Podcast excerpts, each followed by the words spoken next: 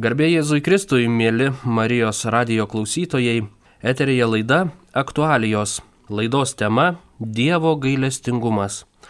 Laidą vedu aš, Vaida Šūkys, na o šioje laidoje mūsų laukia įdomus pokalbis su kunigu Jėzuitu Eugenijumi Markovu. Sveiki, kunigė. Sveiki. Jėzuitai vadovaujasi principu rasti Dievą visame kame. Kodėl jis visiems toks svarbus? Kaip jį reikėtų suprasti? Rasti Dievą visose dalykuose. Mes pradėjome apie gailestingumą, tai aš galvoju, kad e, galbūt šios laidos, aktualios laidos tema ir yra turbūt atrasti tą gailestingumą, apie kurį mes nuolat nu, kalbam ir, ir, ir, ir vartojam. O jėzuitų šūkis atrasti Dievą visose dalykuose kyla iš to, jog, na, kiekvienas supratęs arba suvokęs savo misiją pasaulyje, suvokęs save kaip Dievo kūrinį, priima tą tiesą, jog yra kūrinys.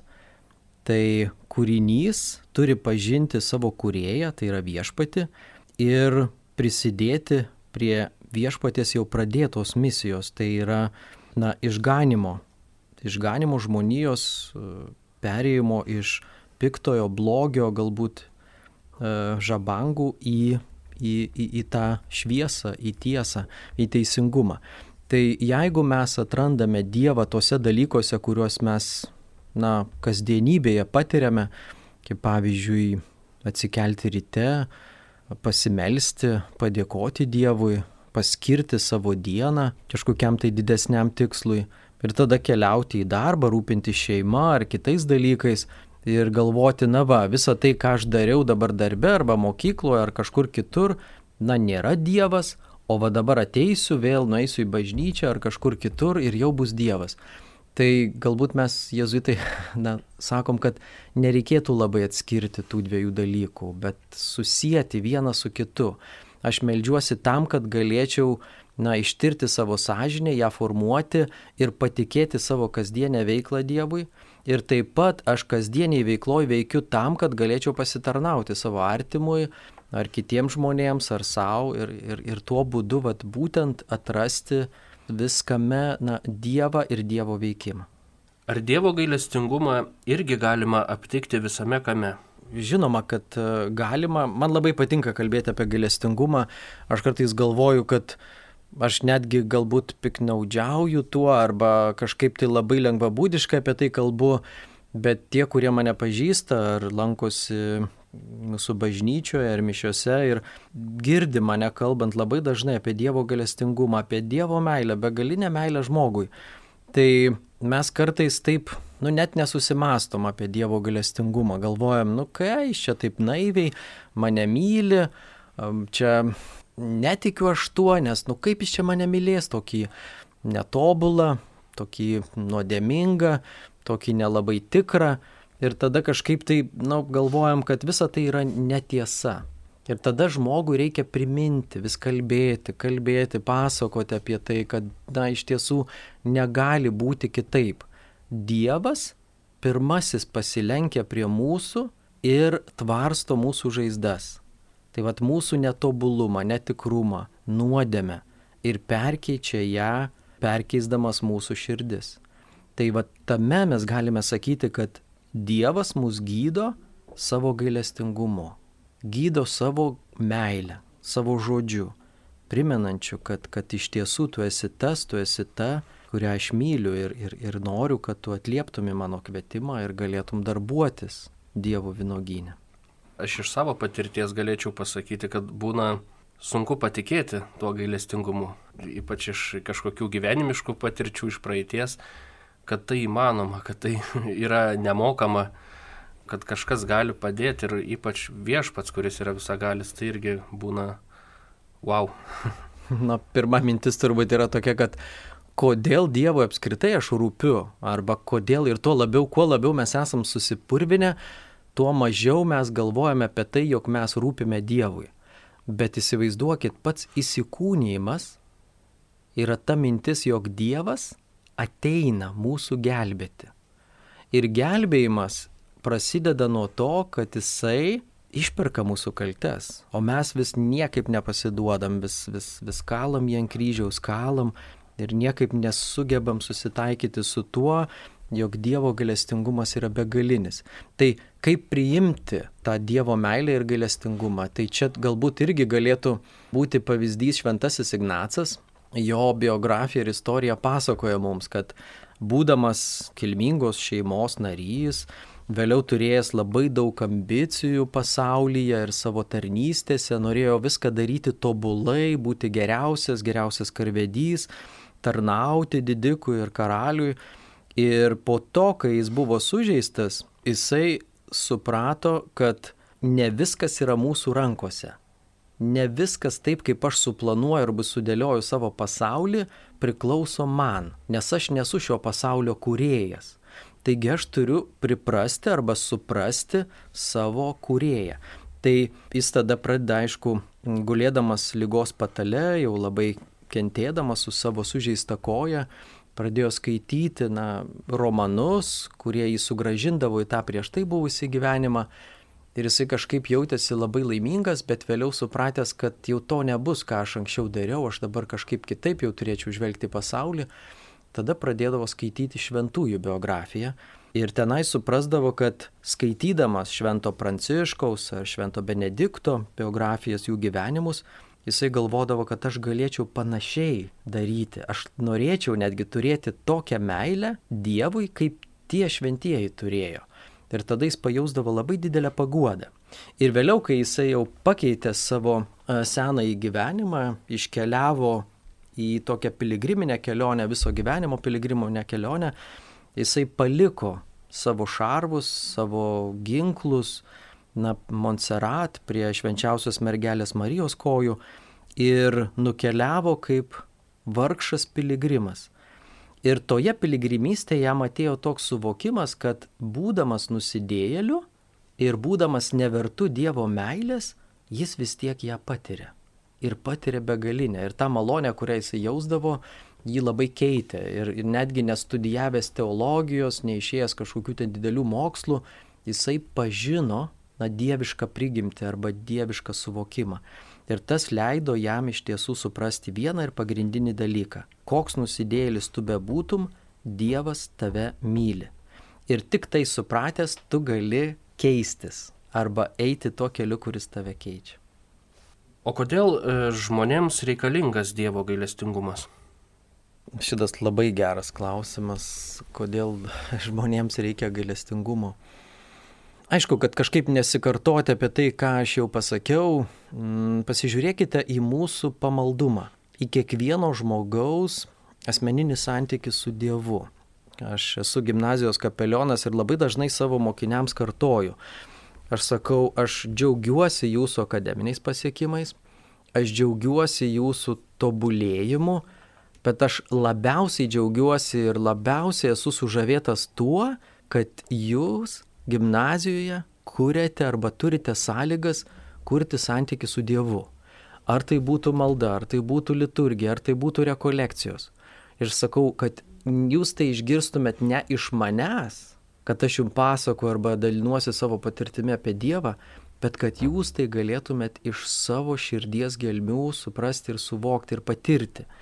Tai aš tada būsiu pats laimingiausias žmogus. Ir vienas iš svarbiausių dalykų tai yra būtent vad suprasti arba priimti Dievo gailestingumą. Būti visiškai, visiškai tikru. Būti įsitikinusiam, kad, kad Dievas tave myli. Kaip ir sakiau, mes labai dažnai matuojame Dievo meilę pagal tai, kaip mes suvokiam tą meilę kasdienybėje. Tai įsivaizduokit, kasdienybėje būti mylimu, tu turi būti vos netobulas ar ne? Nu gerai, mes kalbame apie įsimylėjimą arba ten susižavėjimą vienas kitu ir, ir tikrai ta, ta, ta meilė, kuri nustumia visus netobulumus ir priima tave tokį, koks tu esi, tai čia dar didesnis suvokimas. Dievas ateina, pasilenkia, kaip ir sakiau, prie kiekvieno iš mūsų ir kalba mūsų kalba. Ir aš labai dažnai netgi per išpažintis sakau žmonėms. Sakau, Dievas turi vieną labai gerą savybę. Jisai išklauso, jūsų atgailos, jūsų nuodėmių, atleidžia jums jas ir pamiršta viską, ką jūs jiems sakėt, nes nori jūs matyti tokį ar tokią, kokie jūs galite būti, o ne tokie, kokie buvote. Tai vad kaip tą suprasti, tai čia kiekvieno žmogaus uždavinys. Ir, ir dar sugrįšiu prie tos minties, kad jau liktai pasakiau apie pamaldumą, ne pasižiūrėkite, mat labai daug maldų arba labai daug mūsų minčių, kuriomis mes išreiškėme tą santykių su Dievu, yra viešpatė pasigailėk, viešpatė atleisk man. Nes aš jaučiu kaltę ir mes labai dažnai tą kaltę dar prisimam, nežinau, nuo Adomo ir Jėvos ir vos ne savo užsikėlę, užsikrovę tą didelę tokią naštą bandome kažkaip su tuo gyventi. Nors iš tiesų jau su krikštu tą gimtąją nuodėmę e, nusiplovėme, jau galbūt su sutvirtinimo sakramentu ar kasdieniu ar, ar sekmadieniniu mišių lankymu mes jau tą atsiprašymo tokį sąžinės formavimo būdą jau įgavome ir tai leidžia mums atverti akis, kad kasdienybėje mes galėtume ne tik tai atsiprašyti, bet tuo pačiu ir išmokti priimti tą atsiprašymą. Nes labai dažnai, žiūrėkit, mišių pradžioje yra gailėšio aktas. Mes atsiprašom ir galvojam, kad tai yra tik tai kažkoks įvadas arba žodžiai tušti. Bet iš tikrųjų tai nėra taip. Tai jau yra atsiprašymas, kurio malonė yra tavo susitaikymas su Dievu. Galbūt ir savęs nereikia per daug kaltinti, nes būna labai tas polinkis toks save kaltinti, va aš pasimeldžiau, bet galbūt ne taip, nu va toks negailestingumas savo būna tokia forma kažkaip. Jeigu norime išmokti mylėti save, tai taip, turime išmokti ir, ir, ir save priimti tokį, kokie mes esame. Mes nuolatos kovojame kovą. Ir ta kova yra kelias į šventumą. Ką reiškia būti tikinčių žmogumi? Tai visų pirma, kaip ir sakiau, kad priimti savo kūrėją kaip viešpati Dievą, priimti jo valią, o jo valia yra teisingumas ir gailestingumas pasaulyje. Nieko kito. Ir tada prisidėti prie jo misijos. Tai va čia taip pat Ignaco yra nuopelnas ir galbūt visos Jėzaus draugijos toksai pakvietimas, kaip kūrinyje, kaip gamta, kaip visa, visa tai, kas mūsų supa, priimti kaip e, Dievo dovana mums ir tuo pačiu kiekvieną asmenį mylimą, be galo mylimą Dievo. Tai jeigu aš tai suvoksiu ir suprasiu, tada mano santykis su kitais bus, bus daug paprastesnis ir daug labiau kitoks. Tai priimti save žaizdotą, priimti tokį, koks aš esu, su nuodėme, su, su savo nešvarumais, bet noru ir polinkiu eiti iš tamsos į šviesą. Tai labai dažnai tie žmonės, kurie manipuliuoja Dievo galestingumu ir tarkim aš, kai kalbu su jaunai žmonėmis, tai žinoma, jie sako, tai jeigu Dievas mane myli tokį, koks aš esu, tai aš galiu daryti, ką noriu. Nueiti, pavyzdžiui, kažką tai apgauti arba pavokti arba išnaudoti žmonės. Ir vis tiek mane mylės Dievas. Taip, mylės. Bet tu tos meilės negalėsi priimti taip, jeigu tu nesistengsi e, būti vertas tos meilės. Tai čia yra labai labai paprasta ir akivaizdu. Tai įsivaizduokit, ateina žmogus iš pažinties, išsako savo kaltes, nuodėmės ir jam jos yra atleidžiamos. Tai mūsų tikslas iš pažinties arba susitaikymo sakramento ir yra tam, kad aš gailėčiausi, atsiprašyčiau ir bandyčiau priimdamas tą Dievo meilę kažką savyje keisti. Priminimas mums visiems, kokią kovą mes kovojame, kur link einame Ir kad galutinis tikslas yra taip - suvokti ir, ir suprasti Dievo meilę mums. Ar Dievo gailestingumas yra pagrindinė Dievo savybė?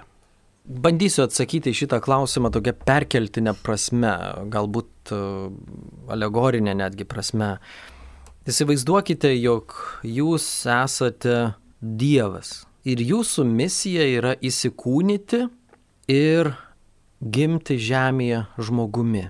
Tai ir tikslas yra atpirkti tą žmogų arba visą žmoniją. Tai kokie įrankiai arba kokios, nežinau, savybės ar visi, visi dalykai, kurie, kurie galbūt būtų priskiriami kažkam, tai kokie jie būtų ir kas tai būtų.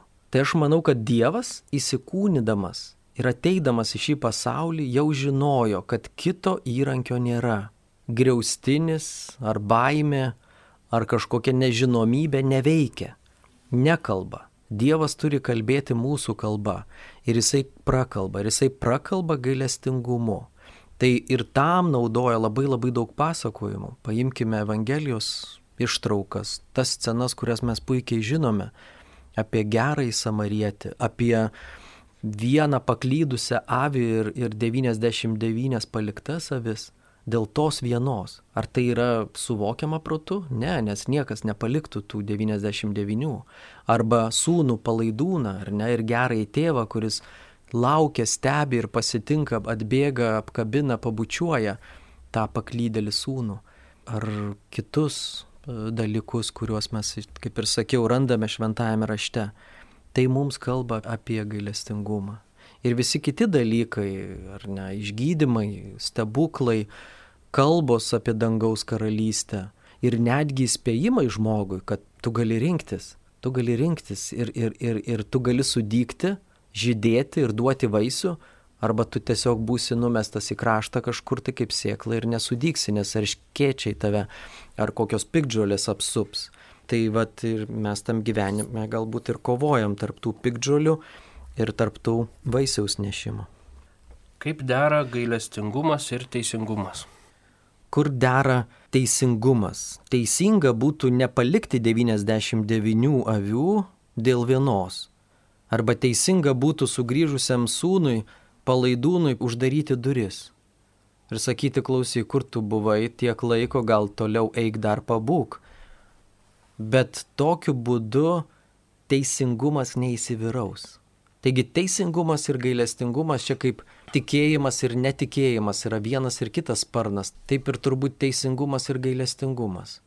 Aš labai dažnai klausiu ir turbūt čia klausytojai su manim sutiks, ar ne, mes stebėdami žinias ir šių dienų aktualijas, nu negalim išlaikyti, nežinau, savitvardos arba pykčio kartais, nu, agresoriui, ar ne?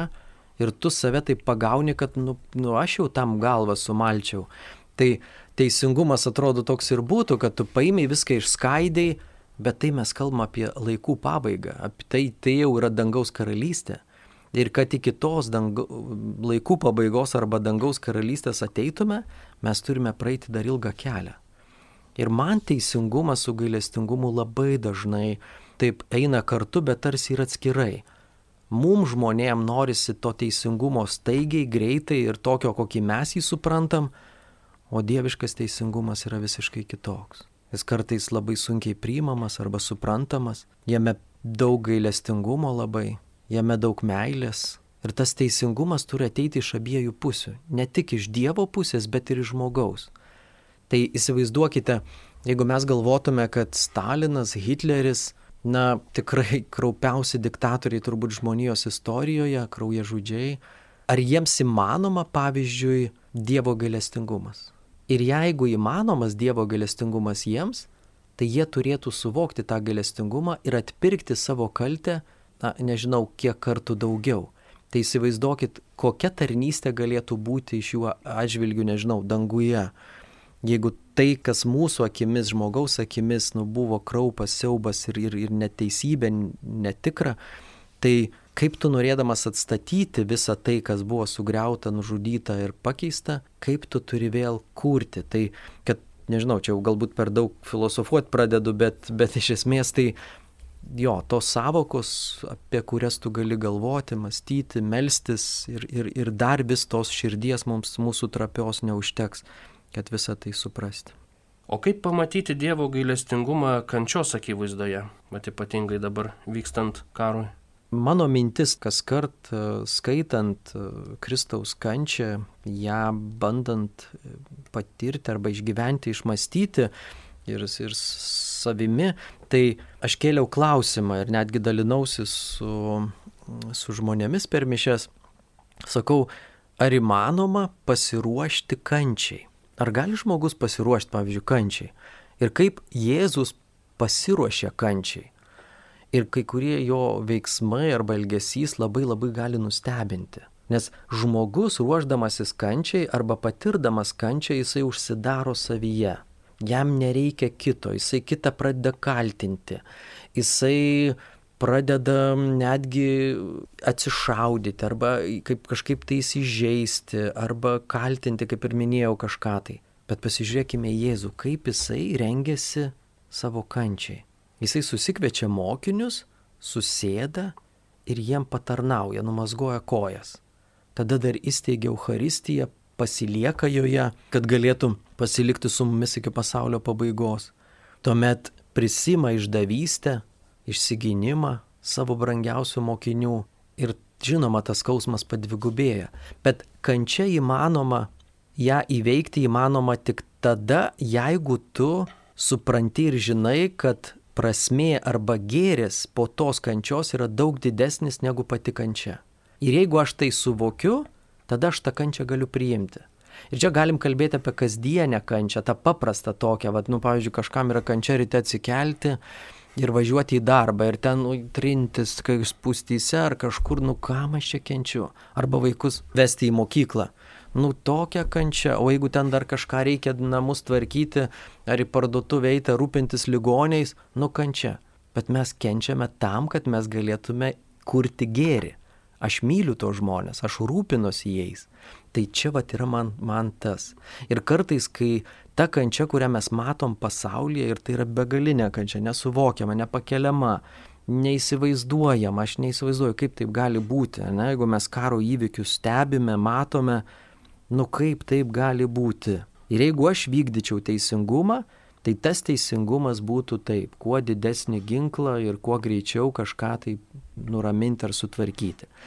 Bet Dievo veikimas yra kitoks.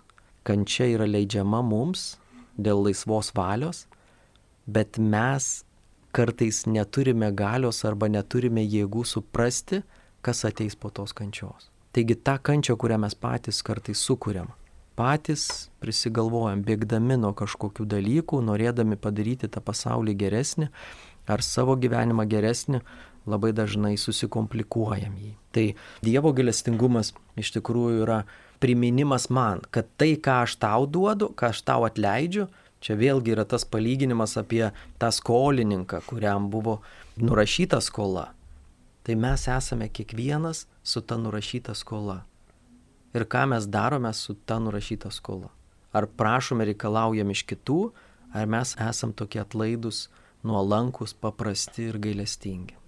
Bet taip pat būna, mat, ypač e, šiais laikais, kai, kai daug pilna tos medijos ir socialinių tinklų ir juose matyti galime kitų žmonių gyvenimus ir socialiniai tinklai vis tiek jie tą tokį galbūt įvaizdį sukuria ar, ar patys žmonės juose galbūt uh, sukuria kad būna nuotraukos, tarkim, ar video tik iš gerų, linksmų gyvenimo akimirkų Ir tą bežiūrint atrodo, vat, aš čia kenčiu, aš čia vargstu, o kiti vat, valgo restoranuose, keliauja, visur atostogos, ten sportuoja. Tai vat kartais būna irgi toks, kaip, kaip ir kančia stebėti kito tą tokį susikurtą socialinėme tinkle gyvenimą gražų. Žinokit, visi esame iš vieno molio drepti. Iš vieno molio. Kita vertus, kam daug duota, iš to bus daug pareikalauta. Ir tai nereiškia, kad, kad jeigu tu, nežinau, džiaugiesi gyvenimu, tai čia kažkas yra blogai. Man atrodo, džiaugtis gyvenimu mums reikia mokytis. Lygiai taip pat kaip ir reikia mokytis priimti arba suvokti Dievo galestingumą. Tai mes mokomės kasdieną, aš sakau nuolat ar ne, vis tiek su, su, su, su savo maldingumo praktikomis, bet tuo pačiu mokytis kažkaip tai išreikšti tai džiaugsmu. Jūs pasižiūrėkit, Lietuvoje kartais kai kuriuose bažnyčiose nesiskiria adventas nuo gavėnios. Kai mes laukiam užgimsiančio Kristaus ir kai mes ruošiamės Kristaus kančiai. Nu nėra skirtumo. Arba Velykos atėjo, pagėdojom gloriją ir kitą dieną jau vėl norime liktai pamiršti, kad, kad Dievas prisikėlė, vėl mes jį norim palaidoti, mes mums taip yra paprasčiau. Tai ar ne kartais verkti yra paprasčiau negu džiaugtis. Tai jeigu mes turime labai labai sveiką balansą ir čia, nežinau, bet kuris psichologas su manim sutiktų, kad žmogus, jeigu tik jisai pradeda labai labai neigiamai save vertinti arba kažkaip tai, na, į depresiją būti linkęs, tai tai nėra gerai. Ir kai žmogus su tuo perdėtų džiaugsmo jausmu lygiai taip pat, nu, sakys, tai kažkokios realybės nemato. Taigi mes turime būti labai labai subalansuoti. Ir aš manau, kad, na, tikėjime, vat, liturgijoje tas turėtų būti labai gražiai parodoma. Ir tai žmogus turėtų patirti. Nes kitą kartą, tai žinoma, jeigu aš, na, neįsitraukiu į tą liturgiją arba nejaučiu jos, tai man lieka tik ta kasdienė rutina, o toj kasdieniai rutino yra taip, kad kas aš stebiu ar ne socialinės medijas, juose dalyvauju ar nedalyvauju, pavydžiu kaimynams ar nepavydžiu, ar žiūriu, ar kiti žmonės ten pasiekia, ko aš nepasiekiau. Ir, ir, ir tada toks na, be galo be krašto tas lyginimas, kuris neleidžia man sakyti arba pripažinti tos tiesos, jog taip, bet aš lygiai toks pats esu Dievo kūrinys, Dievas mane myli, aš turiu tokių gabumų ar talentų, kurie galbūt kiti neturi ir aš esu laimingas žmogus. Aš galiu kurti laimę kitiems ir aš tuo džiaugiuosi. Mėly Marijos radio klausytojai, primenu, jog kalbame su kunigu jėzuitu Eugenijumi Markovu. Laidos tema - Dievo gailestingumas. Kaip pastebėti Dievo gailestingumą vargšuose? Hmm, čia jau kalbėjome apie gerą gyvenimą ir sąlygas geram gyvenimui. Jūs turbūt žinote tą posakį, ar ne, kur neatsižadėk terbos turimos ar dar kažkokių dalykų. Tai dvasios vargšai esam beveik visi ir turaba turbūt netgi visi. Na, tokie tie vargšiukai, kuriem reikia vis priminti apie Dievo meilę ir tas nu, yra normalu. Tai man atrodo taip yra ir netgi e, jeigu mama ar tėtis nu, vaikui nekartos ir nesakys, jog jį myli ir nerodys veiksmais, tai nu, iš kur vaikui žinoti apie jo meilę. Tai lygiai taip pat ir žmogui na, santykėje su Dievu reikia tą girdėti, išgirsti, patirti. Tai labai dažnai vargšai kažkaip jie pasilieka tarsi užrybyje. Ir jie mums tik tai pasirodo tuo met, kai mes kažkaip tai gailėdami savęs arba lygintami save su kitu, na, bandome gailėtis kito. Aš nesakau, kad mes neturime gailėtis, mes turime gailėtis, Ir labai dažnai žmonės klausia, sako, nu ką daryti, nu tie vargšai smirdi, ten duodi jiem tą pinigėlį, neaišku, ką jie perka, gal jie ten alkoholio nusipirks ir, ir, ir kaip čia gal iš vis tada jų neremti ar ką, ką daryti. Aš kartais sakau, o ką jūs darytumėt, jeigu tai iš tikrųjų būtų jūsų brolis arba sesuo? Na, kaip jūs elgtumėtės, ar ne? Būtų geriausias atsakas mūsų, kaip elgtis su vargšais. Kokiu būdu mes jiems padėtume tada. O kitas dalykas, vargšai turbūt atsiduria toje situacijoje, kur priklauso nuo Dievo malonės ir žmonių ne, gerumo. Tai jie gyvena tą tokį, nu, mums galbūt sunkiai suvokiamą gyvenimą, kai tu nesi užtikrintas rydieną. Nors kiekvienas mes nežinom, kas rytoj bus ir gali atsitikti. Bet tu esi įstatomas į tai, kad tu nu, esi paliekamas vos nenuogas, nieko neturi. Ir tada tu pamatai, kokia žmonių pagalba galėtų tau padėti ir kaip tai padeda. Tai labai dažnai, na, vargšai, kad ir kokie jie būdami, kaip ir sakiau, smirdantis ar, ar, ar tikrai asocialūs asmenys, bet tu išgirsti vieną ar kitą sakinį ir ta to žmogaus, na, kalba išduoda, kad iš tiesų daug dalykų jis dabar supranta kitaip, negu prieš galbūt tapdamas vargšu. Kokia yra gailestingumo darbų visuomeninė reikšmė? Kažkas tai yra pasakęs, kad e, žmogus nėra negyvenama sala. Mes esame susiję.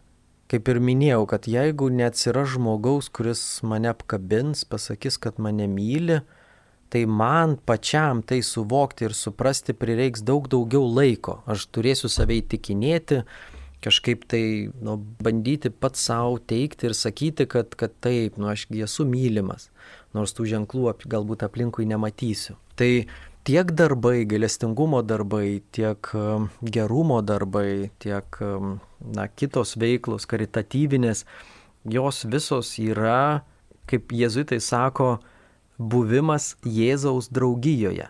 Jėzus kviečia kiekvieną žmogų atliepti jo kvietimą ir pasitarnauti visuomenės geroviai. Kad uh, tie atpirkimo vaisiai, kurie yra suteikti jau atėjus Jėzui į pasaulį, kad būtų juntami kiekviename žmoguje. Tai labai dažnai kai žvelgiu į kitą asmenį, pamatyti jame Kristaus veidą, atvaizdą yra siekiamybė, nors tai pasitaiko labai labai retai. Ar ne? Mes dažniausiai žiūrime kitą žmogų kaip na, kažkokią tai priemonę arba įrankį kažkam tai gauti arba pasiekti. Bet vad kaip pažvelgti iš tos pozicijos, jog Dievas mane kviečia, kviečia ateiti, ateiti ir būti jo rankomis. Ir čia galėčiau netgi papasakoti vieną tokį nutikimą, kuomet buvau naujokynę, tik, tik pradėjau jezuto kelią ir aš du mėnesius atlikau tokią tarnystę pas gailestingumo seseris, motinos Teresės. Ir jos kasdien primdavo benamius pas save, duodavo valgyti, kitus tokius e, aptvarstydavo ir, ir dar pas jas gyvendavo apie 20 žmonių, kurie jau visiškai būdavo ligoja, arba kažkur tai rasdavo juos gatvėje sušalusius, tai su rogutėm parsitempdavo. Ir vieną kartą atėjo prie manęs sesė ir sako, broli Eugenijau, ar tu gali man padėti? Sako, mes turime vyrą, kurį radom gatvėje, visiškai purvinas, mirdantis, jį reikėtų nuprausti, nukirpti ir aprengti naujai drabužiais ir paguldyti į lovą. Ar tu gali padėti? Na, aš sakau, galiu, aš nueinu prie jo ir iš tikrųjų matau, jisai apdengtas tokiu politileniniu maišu dideliu, visas susivėlęs ir aš prieinu prie jo kvapas nežmoniškas ir pilna galva utėlių, pilna. Ir aš taip galvoju apie save, kaip prieiti man dabar prie to žmogaus. Ir tas žmogus atsisuka ir jisai rusiškai man pasako, sako, manęs niekas nemyli. Jis taip sako. Ir aš galvoju, ir aš tavęs nemylėčiau, bet kadangi Kristus per mane veikia, aš noriu ir myliu tave. Aš noriu tau padėti. Aš jį nuskutau, nukirpau, nuploviau, aprengiau, paguldžiau į lovą ir grįžęs į namus dar ilgai sėdėjau, žiūrėdamas į vieną tašką ir galvodamas, wow, va čia yra Dievo veikimas. Tai yra galestingumo darbas, aš nežinau, aš norėčiau savo tos nuopelnus susidėti, bet kaip ir sakiau, aš labai dažnai noriu atsitraukti ir sakyti, nu tai ne mano reikalas.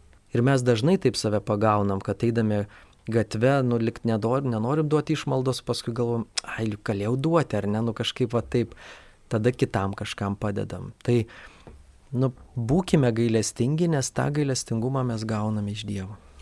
Bet tai galime sakyti, kad tai yra kaip ir iššūkis pamatyti Jėzaus veidą, va, tokiame žmoguje, kur jūs e, ką tik papasakojot. Nes kažkaip būna įsivaizdavimas galbūt, kai žmogus gražus atrodo, tai vat, labai lengva su juo ir bendrauti ir galbūt ir Jėzų pamatyti jame, bet vat, yra kitaip. Taip, nes, nes estetika arba grožis, gėris mums kalba apie Dievą. Kalba, nes tai yra Dievo kalba. Bet tai nereiškia, kad kažkas tai, kas yra negražus, arba kažkas, kas mums nu, nepatinka, arba smirdė, arba yra iš gatvės, nu, jame nėra Dievo. Man daug sunkiau yra pamatyti Putino veidę, ar ne, Dievą Hitlerio, Stalino veidę Dievą, bet, bet čia jau yra, nu, kiti dalykai. Ten, man atrodo, aš nežinau, aš kartais galvoju, kad ir žmogaus vien iš jo paties tiek pykčio negali kilti.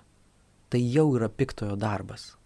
Taigi, jeigu aš apsileidžiu tam tikrais darbais arba kažko tai nepadarau arba specialiai leidžiu savyje veikti blogio jėgai, tai jinai įsibujoja.